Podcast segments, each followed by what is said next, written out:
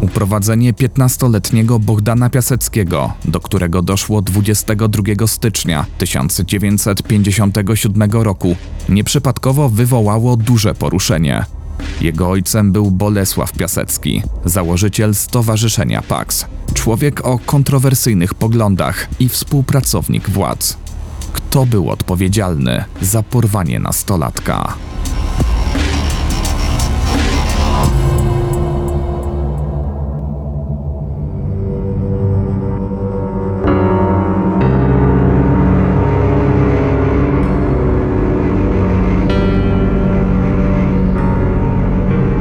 Opowiem Ci historię. Kamil Barnowski. Zapraszam. Ten odcinek powstał dzięki Waszemu wsparciu w serwisie Patronite. Jeśli chcesz dołączyć do patronów kanału Opowiem Ci historię, kliknij w link dostępny w opisie filmu. Z góry dziękuję.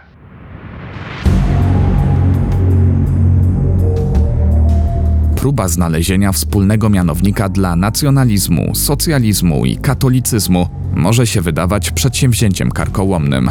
Dla Bolesława Piaseckiego była to jednak naturalna konsekwencja powojennej sytuacji oraz wyborów, na jakie się zdecydował. Urodzony w 1915 roku, od najmłodszych lat działał w różnego rodzaju organizacjach, poczynając od harcerstwa. Jego poglądy szybko się zradykalizowały. Nie należał do ludzi ugodowych, przez co jeszcze w II Rzeczpospolitej zdobył zarówno wielu sympatyków, jak i wrogów. W 1935 roku ukończył studia prawnicze i związał się z obozem Wielkiej Polski oraz Stronnictwem Narodowym. Obydwie organizacje powiązane z endecją miały charakter nacjonalistyczny. Dla Piaseckiego było to jeszcze za mało. Lepiej odnalazł się w ugrupowaniach faszystowskich. Przed wojną nie budziło to jeszcze bardzo negatywnych skojarzeń. Podobne grupy całkiem legalnie działały w Wielkiej Brytanii, USA czy wielu innych krajach demokratycznych. Sam Piasecki zresztą dość chętnie nazywał się faszystą i głośno manifestował poglądy antysemickie i antykomunistyczne. Nie uniknął też aresztowania. Przez kilka miesięcy był internowany w słynnej Berezie Kartuskiej. Działacze ONR zostali wówczas posądzeni o zabójstwo ministra spraw wewnętrznych Bronisława Pierackiego, a sama organizacja zdelegalizowana. W rzeczywistości za morderstwem stał OUN, czyli Organizacja Ukraińskich Nacjonalistów.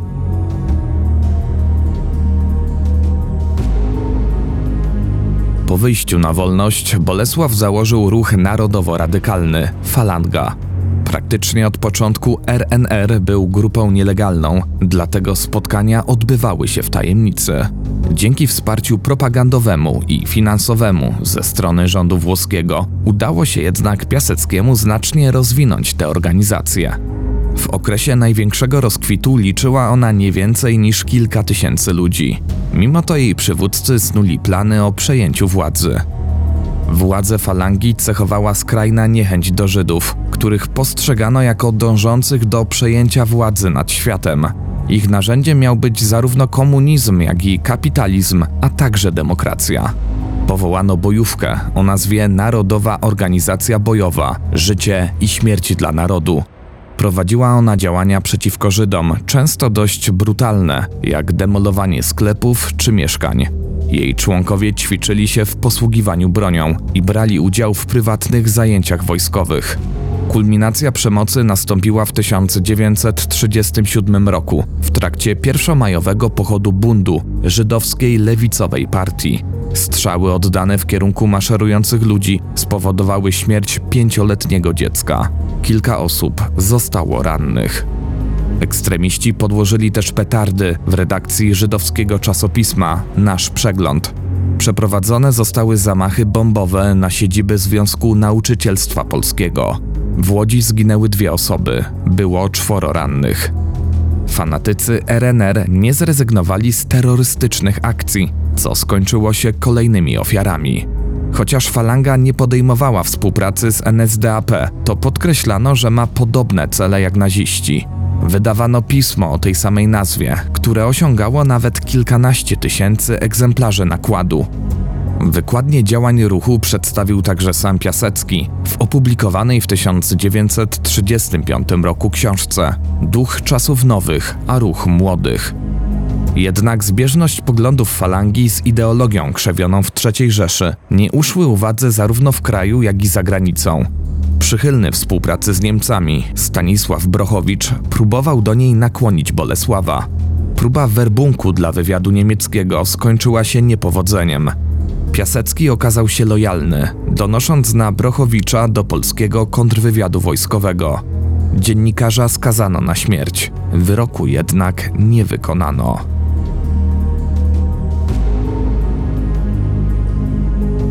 Ruch narodowo-radykalny zakończył swoją działalność tuż przed wybuchem wojny. Dla Bolesława rozpoczął się nowy etap w życiu. W trakcie kampanii wrześniowej walczył jako podporucznik w wojskach pancernych. Po zakończeniu walk został aresztowany przez Gestapo i pozostał w więzieniu do kwietnia 1940 roku. Wyszedł na wolność dzięki wsparciu kilku wpływowych włoskich przyjaciół. Założył organizację konspiracyjną Konfederacja Narodu. Jej oddziały partyzanckie, znane jako uderzeniowe bataliony kadrowe, toczyły potyczki z okupantem, a następnie stały się częścią Armii Krajowej. Piasecki przeszedł do AK w stopniu porucznika. Od 1944 roku prowadził też działalność przeciwko przejmującym powoli władzę w kraju komunistom. Odezwał się jednak jego pragmatyczny charakter.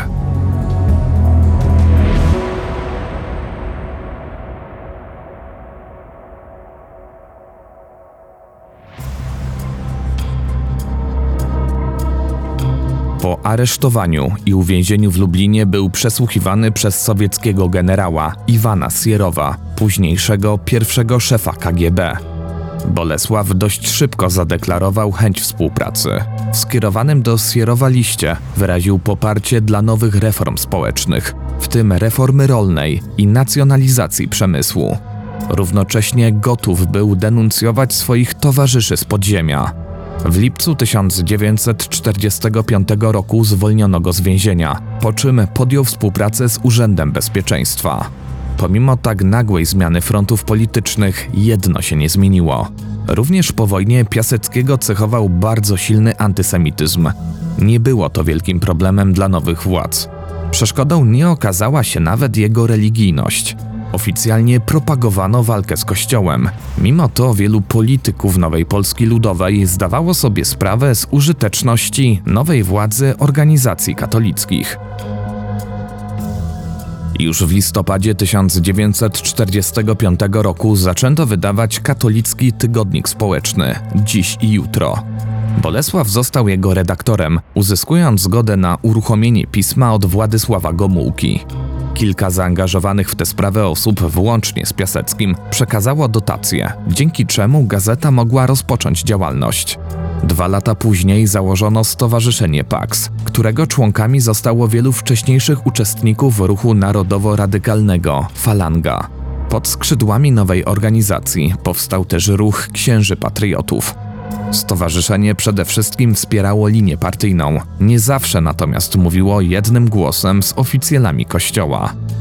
Pax popierał m.in. pokazowy proces biskupa kieleckiego Czesława Kaczmarka czy uwięzienie prymasa Stefana Wyszyńskiego. Co ciekawe, książka Piaseckiego, Zagadnienia istotne, została nawet wpisana na kościelny indeks ksiąg zakazanych. Powiadomiony o tym autor zdecydował się na wycofanie całego nakładu. Dopiero po okresie stalinowskim stowarzyszenie odeszło od radykalnego kursu.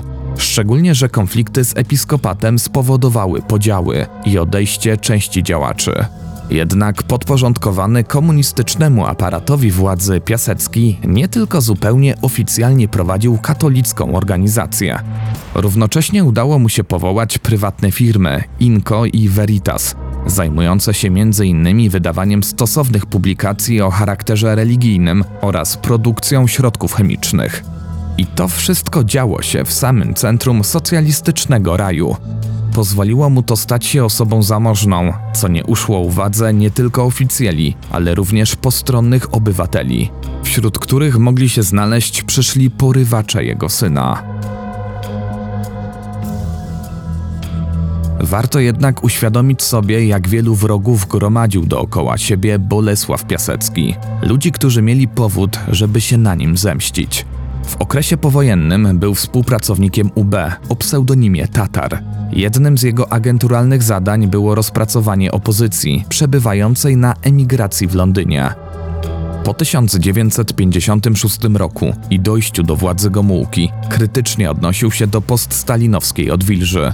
Szczególnie nieufnie spoglądał na jedną z frakcji w PZPR, czyli Puławian. Negatywnie oceniał ich reformatorskie zapędy. Przede wszystkim jednak jego niechęć budziły kwestie rasowe. Puławian z powodu pochodzenia wielu członków grupy nazywano potocznie Żydami. Dla Bolesława, w którego światopoglądzie antysemityzm odgrywał znaczącą rolę, było to nieakceptowalne. Znacznie lepiej oceniał konkurującą z Puławianami frakcję Natolińczyków, którzy podobnie jak on budowali swoją pozycję na nacjonalizmie i niechęci do Żydów. W październiku 1956 roku opublikował artykuł pod tytułem Instynkt państwowy. Sugerował w nim, że może zostać wprowadzony w kraju stan wyjątkowy, jeśli nie uspokoją się panujące napięcia społeczne. Było to jak rękawica rzucona nowym władzom na czele z Gomułką, szczególnie, że Piaseckiego postrzegano jako człowieka Moskwy. Jednak na początku stycznia 1957 roku nowy pierwszy sekretarz spotkał się z przewodniczącym Paksu, dając mu dość nieoczekiwanie większą swobodę działania. Ale już kilka tygodni później Bolesław Piasecki musiał się zmierzyć ze znacznie poważniejszymi problemami w życiu prywatnym porwaniem nastoletniego syna.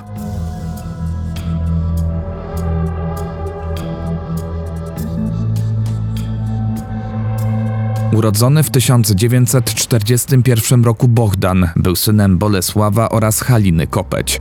Ta przedwojenna dziennikarka w trakcie okupacji należała do ruchu oporu i zginęła podczas powstania warszawskiego. W 1957 roku 15-letni Bohdan uczęszczał do liceum ogólnokształcącego pod wezwaniem świętego Augustyna. Miał talent do komponowania muzyki poważnej i podobnie jak ojciec był gorliwym katolikiem. Szkoła była położona przy ulicy Naruszewicza, niedaleko mieszkania Piaseckich. 22 stycznia po godzinie 13 chłopiec wyszedł wraz z trójką znajomych z budynku szkoły. Podążali w kierunku ulicy Puławskiej. Jak twierdził później najlepszy przyjaciel Bogdana, Wojciech Szczęsny, który również był w tej grupie, dostrzegli na rogu sąsiedniej ulicy, Weinerta, dwóch podejrzanie wyglądających mężczyzn. Szczęsny skomentował to następująco. Patrzcie panowie, typowi tajniacy. Gdy minęli nieznajomych, jeden z nich zwrócił się do Bogdana słowami. Obywatel Piasecki? Kiedy ten potwierdził, obcy wylegitymował się jakimś dokumentem. Skręcili za róg, po czym wspólnie przeszli na sąsiednią ulicę, gdzie czekał na nich drugi mężczyzna. Bogdan zdążył się jeszcze odwrócić w stronę kolegów, z grymasem na twarzy, sugerując, że nie ma pojęcia o co chodzi. Następnie razem z nieznajomymi wsiadł do taksówki. Czarna Warszawa, bo takiej marki był samochód, szybko odjechała.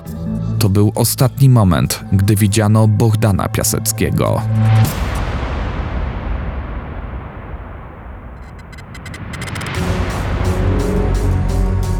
Szczęsny zapamiętał numer rejestracyjny samochodu T75 222. Postanowił też poczekać na Jarosława, młodszego brata Bogdana, który miał jeszcze jedną lekcję. Stwierdził błędnie, że Bogdana zabrała milicja, choć nie potrafił podać przyczyny. Wspólnie udali się do domu Piaseckich, skąd Jarosław zadzwonił do pracującego w biurze ojca, informując o tym, co się wydarzyło. Współzałożyciel Paksu natychmiast wykonał telefon do Ministerstwa Spraw Wewnętrznych i zażądał rozpoczęcia poszukiwań. Wydawało się, że nie będzie to skomplikowane. Milicja dysponowała numerem rejestracyjnym i marką samochodu. Nie udało się jednak poznać personaliów właściciela taksówki, ani orzec, czy takie auto w ogóle istnieje. Bolesław wysłał więc do Wydziału Komunikacji jednego ze swoich pracowników, który ustalił, że samochód należy do Miejskiego Przedsiębiorstwa Taksówkowego. Poszukiwania nie trwały długo i około godziny 23 na Pradze pojazd został namierzony przez człowieka Piaseckiego. Za kierownicą siedział zmiennik taksówkarza, który wiózł wcześniej Bohdana. Tymczasem już dwie godziny po uprowadzeniu bandyci zadzwonili do dyrektora liceum, w którym uczył się nastolatek. Podali się jednak za przedstawiciela Ministerstwa Oświaty, dopytując, czy Bohdan faktycznie jest synem Bolesława. Zatelefonowali też do mieszkania Piaseckich, informując o porwaniu. Powiadomili ojca, że to, co się wydarzyło, nie jest związane z bieżącą sytuacją, ale sprawami z przeszłości. Stwierdzili również, że w urzędzie pocztowym numer 1 czeka na niego list. Jego treść była jasna. Za uwolnienie chłopca zażądali 4000 dolarów oraz 100 tysięcy złotych. Nie podano jednak żadnych dokładniejszych wytycznych. Dopiero dwa dni później Piasecki odebrał telefon od bandytów, którzy nakazali mu udać się z pieniędzmi do restauracji kameralna. Misji podjął się ksiądz prefekt liceum Mieczysław Suwała, który znał się z Piaseckim jeszcze z czasów wojny. Dodatkową obstawę stanowili milicjanci. Jednak w lokalu nikogo nie zastali. Polecono mu natomiast telefonicznie, aby udał się do budynku przy alei na Skarpie 65. Tam poinformowano go o kolejnym adresie, a takich zmian miejsca docelowego dokonywano jeszcze kilkukrotnie. W jednym z nich znaleziono portfel, w który miała być wciśnięta kartka z dalszymi instrukcjami, ale portfel okazał się pusty. Porywacze ponownie zadzwonili do Piaseckiego 24 stycznia, stwierdzając, że w drzwiach kościoła Świętego Krzyża na krakowskim przedmieściu znajduje się przeznaczony dla niego list. Bolesław odebrał wiadomość. Dowiedział się z niej, że przestępcy obserwowali jego człowieka i mieli świadomość, że towarzyszą mu tajniacy. Za karę zdecydowali się podnieść kwotę okupu o 100 tysięcy złotych.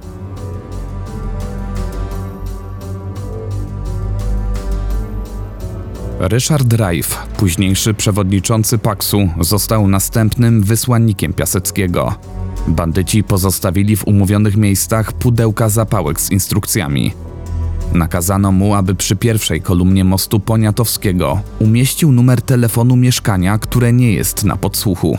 Cyfry o wysokości przynajmniej 15 cm miały być widoczne z jadącego mostem tramwaju. Zadzwoniono na wskazany numer dzień później. Zgodnie z żądaniem porywaczy, oprócz teczki pełnej pieniędzy, wysłannik miał też ze sobą nosić poroże jelenia, co zapewne ułatwiało jego obserwacje. Punktem kontaktu był słup kilometrowy przy ulicy Marszałkowskiej, gdzie miał stać w godzinach szczytu. Rajf zabrał ze sobą znajomego, biegłego strzelca, którego poznał jeszcze w partyzantce. Ale znów nikt się nie pojawił. Nie było też żadnej wskazówki, więc posłannik zatelefonował do MSW, że kontakt się urwał. Funkcjonariusze kazali mu jednak wrócić na miejsce. Co ciekawe, tym razem pod słupem znalazł instrukcję. W kolejnej podanej lokalizacji niczego już nie zastał.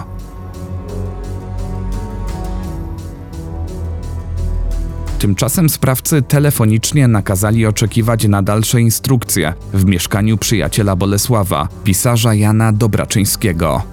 Lecz do 28 stycznia nikt się nie zgłosił ani nie zadzwonił. Kontakt został zerwany ostatecznie. Wobec takiego obrotu spraw jedynym punktem zaczepienia był kierowca samochodu, w którym przewożono Bohdana. Milicji udało się ustalić, że taksówkarzem był Ignacy Ekerling. Przesłuchano go już 23 stycznia. Jak zeznał, w dniu porwania, tuż po godzinie 13, samochód wynajął mężczyzna, który kazał mu wykonać kurs z ulicy Żelaznej do budynków sądowych przy Alei Świerczewskiego. Tam wsiadł pasażer numer dwa, według kierowcy niższy wzrostem od tego pierwszego. Człowiek, który wynajął taksówkę, nakazał jechać w stronę Mokotowa, ulicą Naruszewicza, następnie zaś ulicą Weinerta. Ekerling wspominał, że pierwszy pasażer wysiadł i po kilku minutach wrócił z jakimś nastolatkiem. Taksówkarz zawiózł całą trójkę ponownie przed gmach sądu przy Alei Świerczewskiego. Tam wysiedli i skierowali się w stronę budynku. Milicjanci nie byli jednak przekonani do wiarygodności zeznań. W wielu punktach to, co mówił Ekerling, nie zgadzało się z opisami ze strony innych świadków. takimi jak miejsce postoju taksówki w momencie, gdy wsiadł do niej Bohdan oraz tego, gdzie dokładnie siedział. Kierowca nie potrafił też podać szczegółowego rysopisu porywaczy, choć z pierwszym z nich spędził w trasie przynajmniej 40 minut. Skłamał również, że tamtego dnia był kierowcą rezerwowym wskazanego pojazdu. Mundurowi mieli też zastrzeżenia do trasy wybranej przez Ekerlinga. Dowodzono, że choć była bardziej skomplikowana i uciążliwa, to pozwoliła ominąć sygnalizację świetlną i posterunki milicji.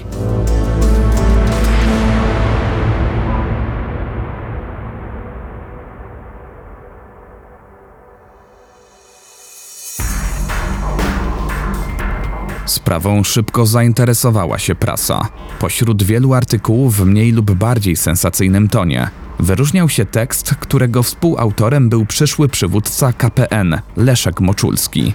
Artykuł zatytułowany Zagadka cichej uliczki ukazał się 10 lutego i od razu wzbudził kontrowersje. Autorzy sugerowali, że Bogdan przebywa w Londynie u matki, która przecież nie żyła już od 13 lat. Pomimo absurdalności tej tezy, niektórzy uważali, że tekst powstał na zamówienie lub z inspiracji kogoś z partii albo MSW. Tymczasem pod koniec stycznia przeprowadzono wizję lokalną z udziałem Ekerlinga. Protokół z wydarzenia jednak zaginął i nie został dołączony do akt sprawy. 2 lutego kolejna wizja lokalna odbyła się z udziałem trzech kolegów Bogdana. Co ciekawe, żaden z nich, włącznie z kioskarzem, nie rozpoznał w Ekerlingu kierowcy Czarnej Warszawy, która zabrała chłopaka. Jednak wcale nie świadczyło to na jego korzyść, wręcz przeciwnie. Prosty wniosek był taki, że znał porywaczy i feralnego dnia pożyczył im taksówkę. Mimo to nie został o nic oskarżony, choć jego dalsze postępowanie również budziło poważne podejrzenia. Sprzedał mieszkanie, wysłał za granicę bagaże, a w marcu odebrał paszport. Gdyby nie interwencja Bolesława Piaseckiego w MSW, wyjechałby z kraju. Do aresztowania jednak nie doszło. Ekerling wrócił do Warszawy i pracy taksówkarza. Otrzymał też większe mieszkanie służbowe i co bardzo interesujące, wniosek o przydział złożył do MSW. Podobno szczegóły uzgadniał z urzędnikiem zaangażowanym w śledztwo dotyczące porwania.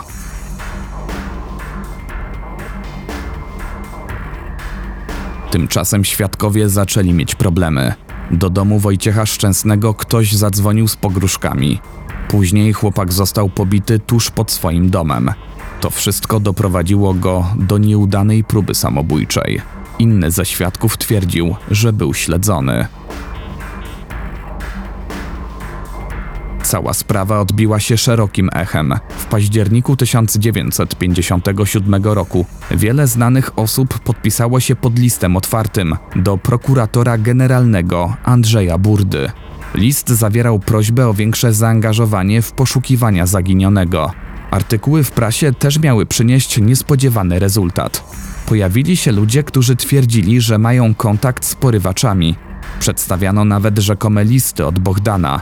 Większość z tych tropów okazała się oszustwami, których celem było wyłudzenie pieniędzy od ojca. W 1958 roku nowy prokurator prowadzący podjął bardziej żywiołowe działania. W kwietniu aresztowano Ignacego Ekerlinga. Dokonano rewizji w jego mieszkaniu, odnajdując interesujące zapiski. Znajdowały się w nich m.in. informacje o lokatorach domów, w których zostawiano wskazówki od porywaczy. Taksówkarz utrzymywał z nimi bliskie relacje. Notatki zawierały też dane osobowe trzech funkcjonariuszy SB. Co ciekawe, zarówno wspomniani lokatorzy, jak i pracownicy służby bezpieczeństwa niedługo po porwaniu wyjechali do Izraela. W notatniku znaleziono również numer telefonu lekarki mieszkającej w pobliżu skrzyżowania, na którym doszło do porwania, oraz odręcznie narysowany plan z położeniem szkoły Bohdana. Podejrzany nie był skłonny do współpracy. Lecz podobno podczas jednego z przesłuchań wyznał, że bardziej niż śledczych boi się ludzi, którym wynajął taksówkę.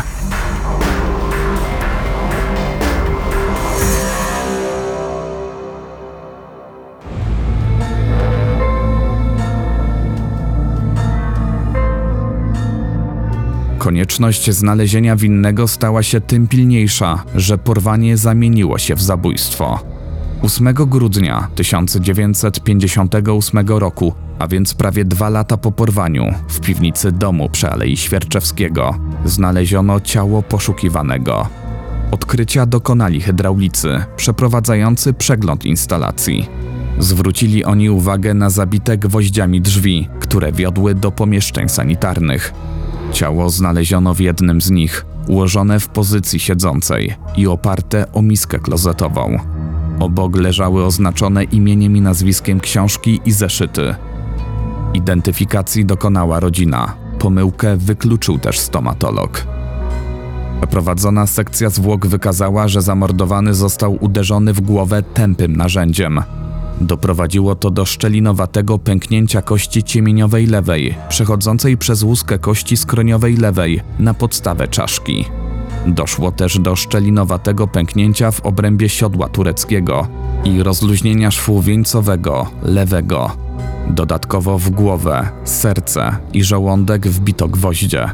Natomiast w klatkę piersiową sztylet o 16-centymetrowym ostrzu i drewnianej rękojeści.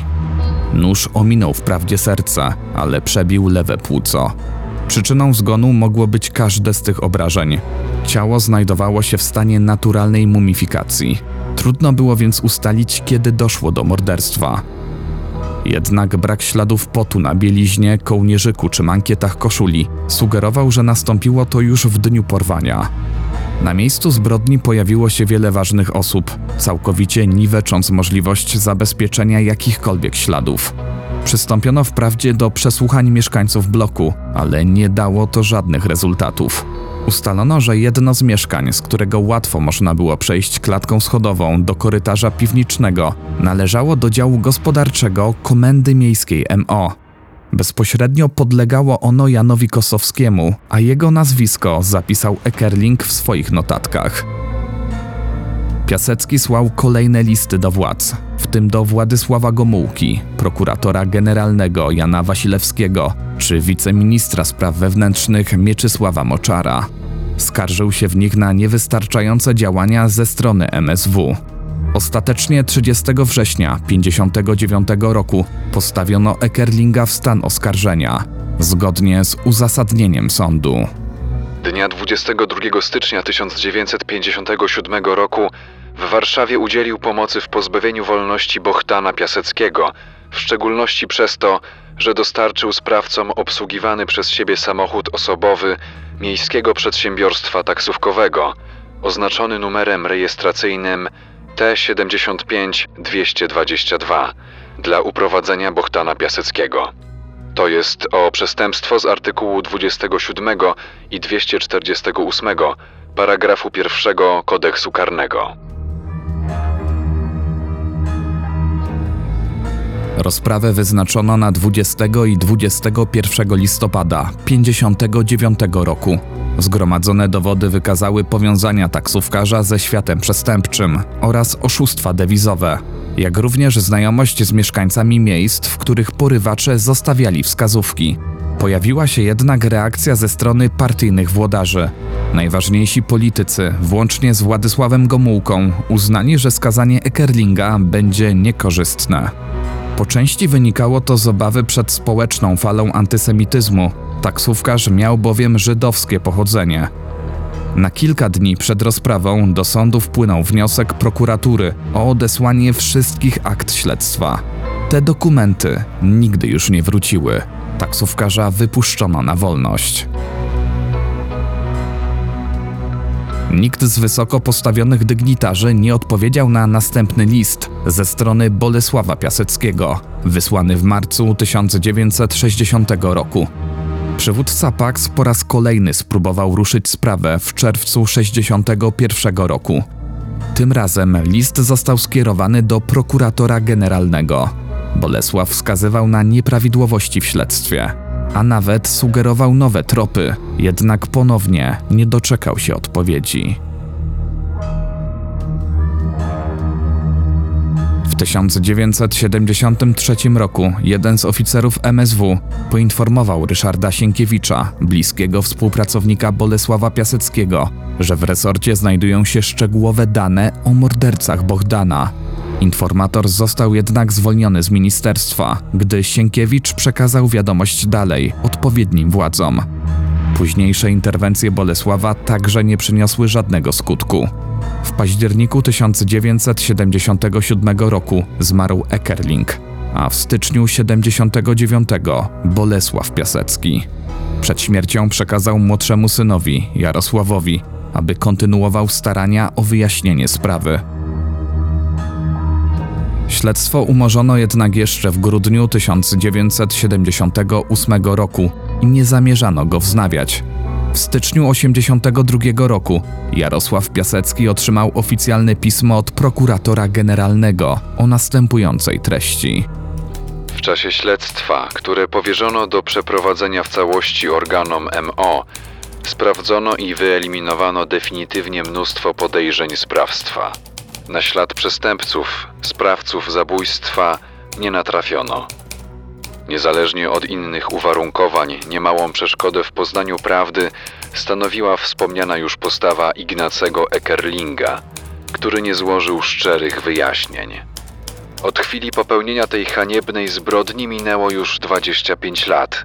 Kontynuowanie śledztwa nie jest zatem dopuszczalne. Artykuł 11 punkt 6 Kodeksu Postępowania Karnego.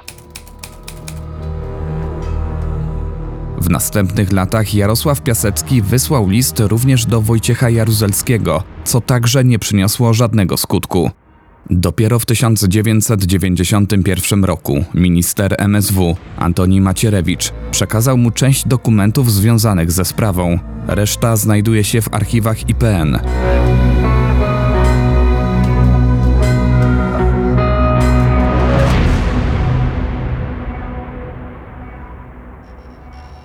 Kto mógł stać za porwaniem i zabójstwem Bogdana? Już w trakcie śledztwa założono, że motywem mogła być chęć zemsty. Kontrowersyjne poglądy i postawy Bolesława Piaseckiego przysporzyły mu wielu wrogów. Jednak często wskazywano dość kuriozalnych podejrzanych. Sugerowano, że mogli być to żołnierze Narodowych Sił Zbrojnych lub nawet grupa byłych członków Paksu, włącznie z Tadeuszem Mazowieckim. Podejrzewano też pospolitych bandytów liczących na okup, agentów obcego wywiadu, a nawet samego Bolesława. On z kolei uważał, że stał się celem wrogów Paksu. Wskazywał na grupy nacjonalistyczno-żydowskie, środowiska dziennikarsko-polityczne, reakcyjne podziemie czy księży niechętnych socjalistycznej władzy. Sugerował również, że mógł to być mord rytualny. Jednak przynajmniej część historyków podziela jego pogląd o zemście ze strony osób pochodzenia żydowskiego. Skrajny antysemityzm Piaseckiego, zarówno przed wojną, jak i w okresie Polski Ludowej, nie był żadną tajemnicą. Zdaniem historyka Jana Żaryna, odpowiedzialna za to mogła być żydowska frakcja w MSW, której miał przewodzić wiceminister Antoni Alster. Sam Eckerling miał liczne powiązania z przestępcami oraz funkcjonariuszami Urzędu Bezpieczeństwa. Być może ubecy przy porwaniu współpracowali z pospolitymi bandytami. Hipoteza ta może wydawać się przesadzona, ale niektóre spekulacje idą jeszcze dalej. Szczególnie te dotyczące organizacji Nekama, co po hebrajsku znaczy zemsta. Jej założycielem miał być Szymon Wiesenthal, znany ze ścigania nazistów, do których podobno zaliczał też Bolesława Piaseckiego.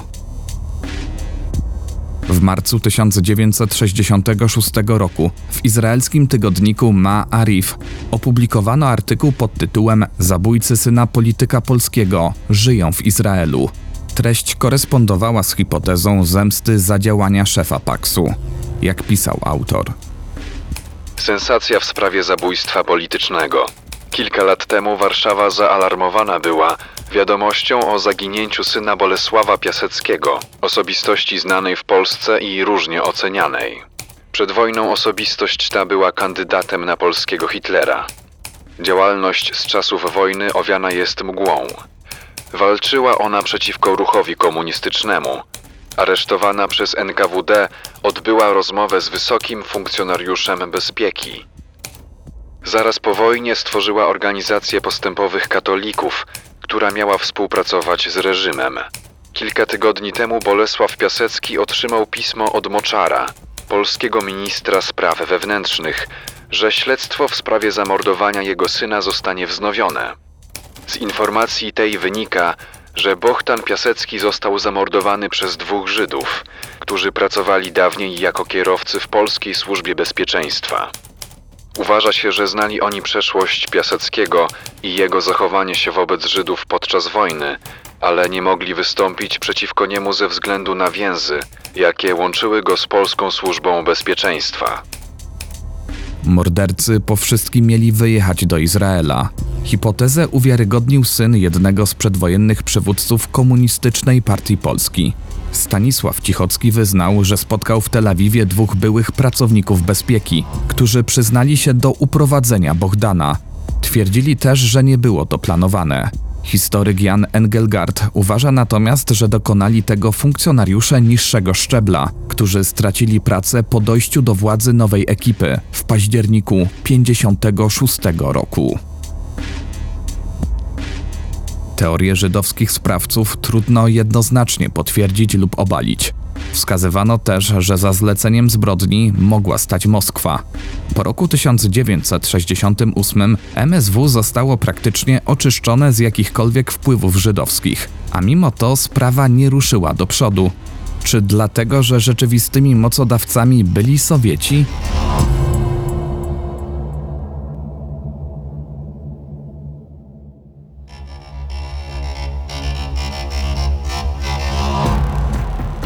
Wydaje się jednak dość jasne, że śledztwo prowadzono wyjątkowo nieudolnie. Zacierano ślady, błędnie zapisywano nazwiska, pomijano wskazówki lub gubiono dowody. Zaniedbania i niekompetencja były tak rażące, że przypominały sabotaż. Na przykład skasowaniu uległa taśma, na której nagrano głos jednego z porywaczy. Zaginął także list pozostawiony przez nich na urzędzie pocztowym, Niekoniecznie jednak wszyscy funkcjonariusze bezpieki działali w złej woli. W SB, podobnie jak w partii, ścierały się ze sobą grupy interesów, reprezentowane przez dwóch wiceministrów spraw wewnętrznych. Antoni Alster był przedstawicielem środowisk prożydowskich, Mieczysław Moczar zaś nacjonalistycznych. I właśnie ta pierwsza grupa mogła być zaangażowana w utrudnianiu śledztwa.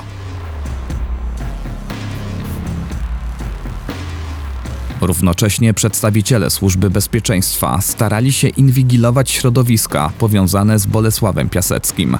Brat Bohdana, Jarosław, uważał, że śledztwo umorzono na polecenie premiera Józefa Cyrankiewicza oraz sekretarza KC PZPR Jerzego Albrechta.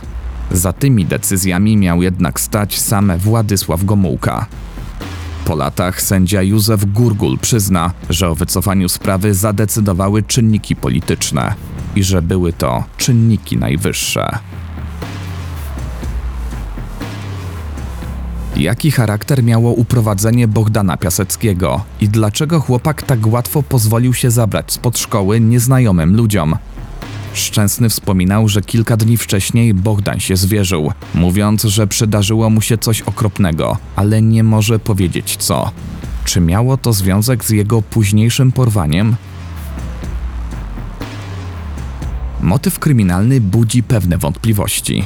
Porywacze wprawdzie zażądali okupu, ale szybko urwali kontakt. I to pomimo faktu, że Bolesław był skłonny zapłacić. Wspomniany już wcześniej wiceminister Antoni Alster tak opisywał Piaseckiego Mieczysławowi Rakowskiemu. Jest to facet ambitny, który kiedy tylko może, ciosa nam kołki na głowie. Jego organizacja ma 120 milionów rocznego obrotu. Dla nas faktycznie jest bezużyteczna. Chcieliśmy, aby to był wrzut na dupie Wyszyńskiego, a tymczasem uplasował się na naszym tyłku. Nikt jednak nie ma odwagi go przeciąć. Czy za tą jasno wyrażoną chęcią rewanżu poszły czyny? Nie wiadomo. Bolesław Piasecki do końca życia nie rezygnował z poszukiwań osób odpowiedzialnych za śmierć syna.